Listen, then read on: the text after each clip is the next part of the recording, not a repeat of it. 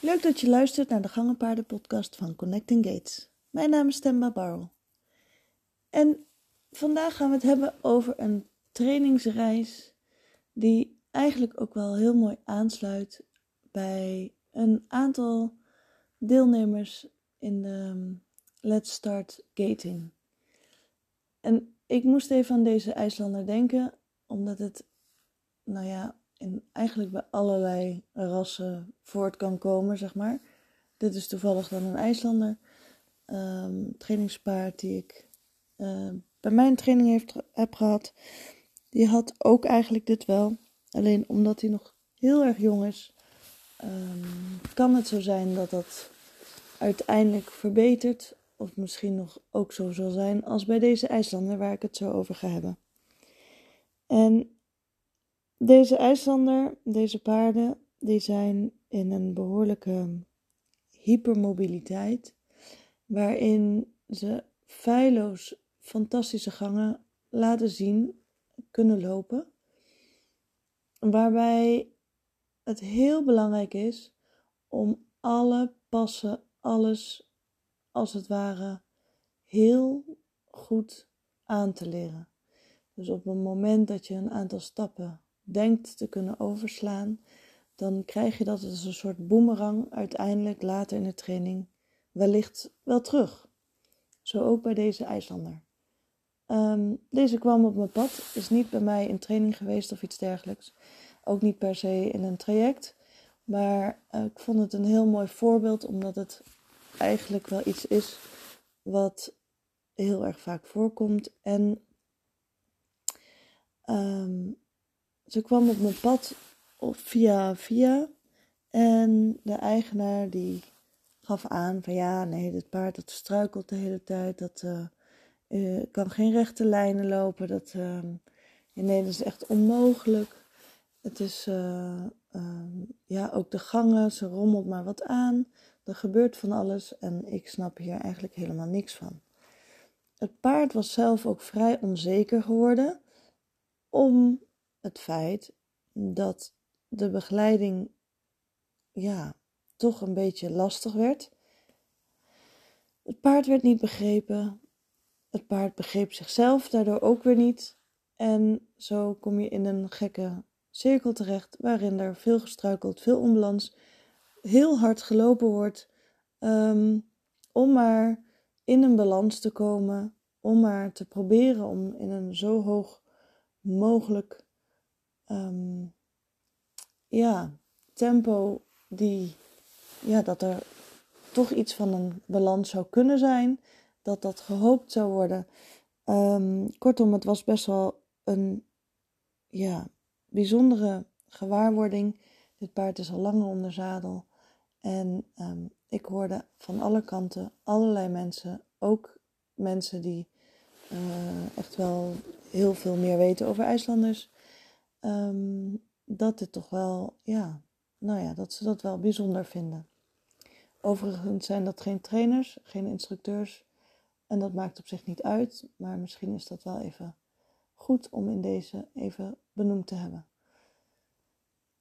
En wat ik zo allemaal aanschouwde was eigenlijk puur het feit dat er. Ik hoefde eigenlijk maar aan te geven van weet je dat je paard hypermobiel is?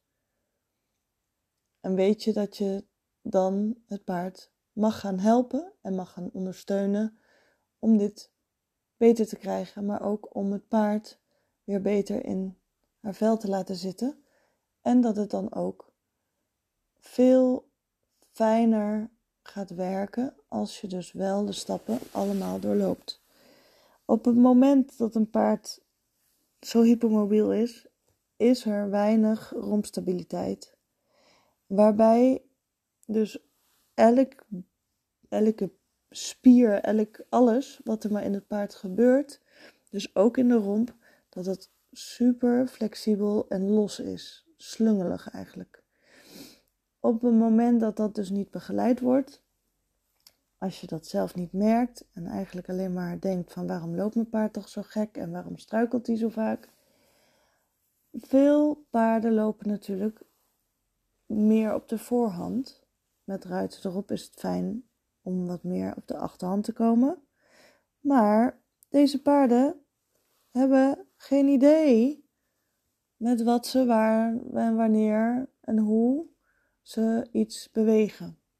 Een de natuur, of tenminste natuur, ik bedoel paddock of wij, ja, dan um, heb je geen extra gewicht op je rug.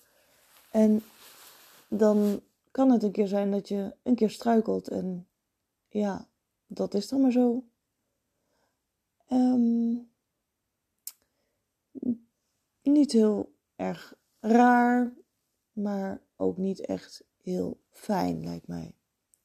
Dus ik heb wat tips en trucs kunnen meegeven en kunnen aandragen. Dit was ook wel echt in de tijd dat ik veel meer uurtje factuurtje deed. Oftewel omdat ik gewoon bij iemand op locatie kwam en dan, uh, als ik geluk heb, in zo'n moment werd er vaker afgesproken. En uh, ja, uiteindelijk weet ik natuurlijk niet altijd hoe het dan verder gaat. En in dit geval weet ik niet hoe ze verder bij zich um, ja, in de training kwamen. Ik weet wel dat er heel erg veel momenten waren van, oh, ah, nu begrijp ik mijn paard wat meer. En de struikelingen, het slungelige, begon al een beetje minder te worden. En in een sessie kan je heel veel, maar over een aantal sessies kan je nog veel meer. En dan kan ik daarin nog beter sturen en begeleiden. En waarom kaart ik dit aan, ook al heb ik deze maar zo weinig gezien of weinig uh, begeleid? Is omdat het eigenlijk wel iets is wat ik heel veel ja, zie en hoor en wat op mijn pad komt. En het lijkt me zo fijn als ook de wat hypermobiele paarden daarin veel meer gezien worden. En niet als stuk en oh wat vreselijk en oh wat lastig. Want alle paarden kunnen sterker worden en kunnen geleerd worden hoe ze dan misschien wel kunnen lopen. En in zo'n geval als in deze, bij deze IJslander, wat ik normaal gesproken doe, bij andere ehm, fijne, slungelige, heerlijke, losse paarden, is dat ik sowieso altijd met alle paarden kijk of dat er geen blokkades zijn, fysiek, um, of misschien ook wel mentaal, dat er iets niet helemaal lekker zit. En dat ga ik dan ook eerst oplossen. Dus op het moment dat ik merk dat paard wordt heel onzeker, dan ga ik daar wat meer aandacht op richten voordat ik überhaupt um, echt allerlei nieuwe oefeningen doe. Dus ik zorg er dan voor dat er oefeningen komen die makkelijk te volgen zijn voor het paard en waarbij het meer vertrouwen gaat krijgen ook in de ruiter, als, het, als je het tenminste op zit. En van daaruit kun je de wat moeilijkere opdrachten gaan doen. En wat zijn nou moeilijkere opdrachten? Nou ja, überhaupt een rechte lijn is natuurlijk een moeilijke opdracht, maar een cirkel, een volte in een fijne lengtebuiging hebben, in een juiste balans, is een enorme opgave voor dit soort paarden. En wel ontzettend belangrijk. Dus op het moment dat je de fase al voorbij bent en je bent al die rechte lijnen hartstikke goed aan het lopen, uh, maar er wordt nog veel gestruikeld, er wordt nog van alles gedaan waarbij je denkt: Goh, dit is toch eigenlijk niet fijn. Dan kan het activeren van de achterhand en het wat meer op de achterhand krijgen, um, ja, en daar de oefeningen voor doen, kan dan heel erg prettig zijn voor zowel het paard als voor jezelf, waarbij stapsgewijs steeds beter en beter begrepen wordt wat te doen, maar ook te merken is bij het paard dat het steeds sterker wordt en daarmee eigenlijk ook meer zelfvertrouwen krijgt. Het is nooit één ding. Er zijn altijd heel veel dingen om naar te kijken en op te letten. En dat is het ook eigenlijk wel. Um, ja, ik vind het heel erg leuk. Het zijn ook een soort puzzeltjes. Zo van: oké, ik ga jou helpen ondersteunen. Ik ga kijken hoe ik dat kan doen. en op welke manier. En dan, ehm, ja, is het eigenlijk allemaal niet super ingewikkeld. Maar als je er zo naar kijkt, in eerste instantie denk je, ja jeetje. En zeker als je nog vrij beginnend bent of vrij nieuw bent in de gangenpaardenwereld en je hebt ineens een super hyper flexibiliteit en hypermobiel en noem maar op en slungelig en van alles. En dat je denkt, jeetje, maar elke pas staat wel ergens anders, elke hoef staat op een andere manier. Of link, ehm, de voorhand staat meer naar rechts bijvoorbeeld, achterhand meer naar, naar uh, rechts. Zei ik dat nou? Nou, volgens mij naar rechts en dan naar links. Dus het tegenovergestelde. Um, ja, dan kan het wel als een uitdaging gezien worden. Maar ik vind het altijd wel heel erg leuk. En als het stapsgewijs gaat, dan is het eigenlijk ook voor iedereen haalbaar. En dat maakt het ook eigenlijk wel heel tof. Maar ben je nou echt het type die echt alleen maar heerlijk lange afstanden wil rijden, niet te moeilijk, geen training.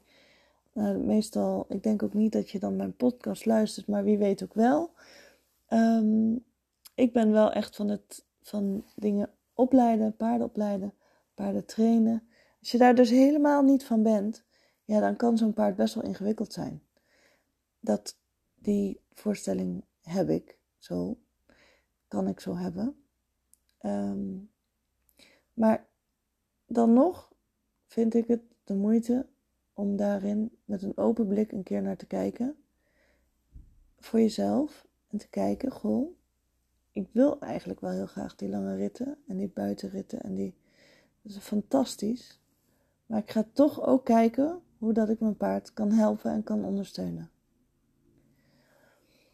En nou heb ik dit soort uh, hulpvragen wel vaker. Ook al eerder in de Master Engage gehad. En op dit moment heb ik ook weer een plekje vrij om een nieuwe Master Engage traject te kunnen doorlopen.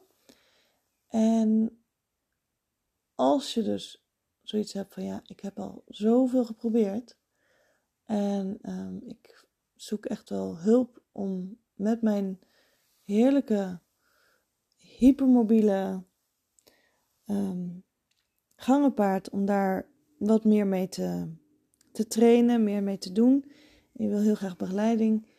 Kijk dan heel even op mijn website. Ik heb een plekje vrij. En uh, daarmee zou je in de zomer nog en in het najaar heerlijk een fijne ritten kunnen maken. Met veel meer balans en veel minder slungelige passen. En hoe tof zou dat zijn? Nou, heb je mijn uh, Mastering Gates al doorlopen? Uh, of zit je in een ander programma, een ander traject? Echt super tof. Ik um, ben echt iedereen mega dankbaar. Ook alle enthousiasme die ik eromheen meekrijg.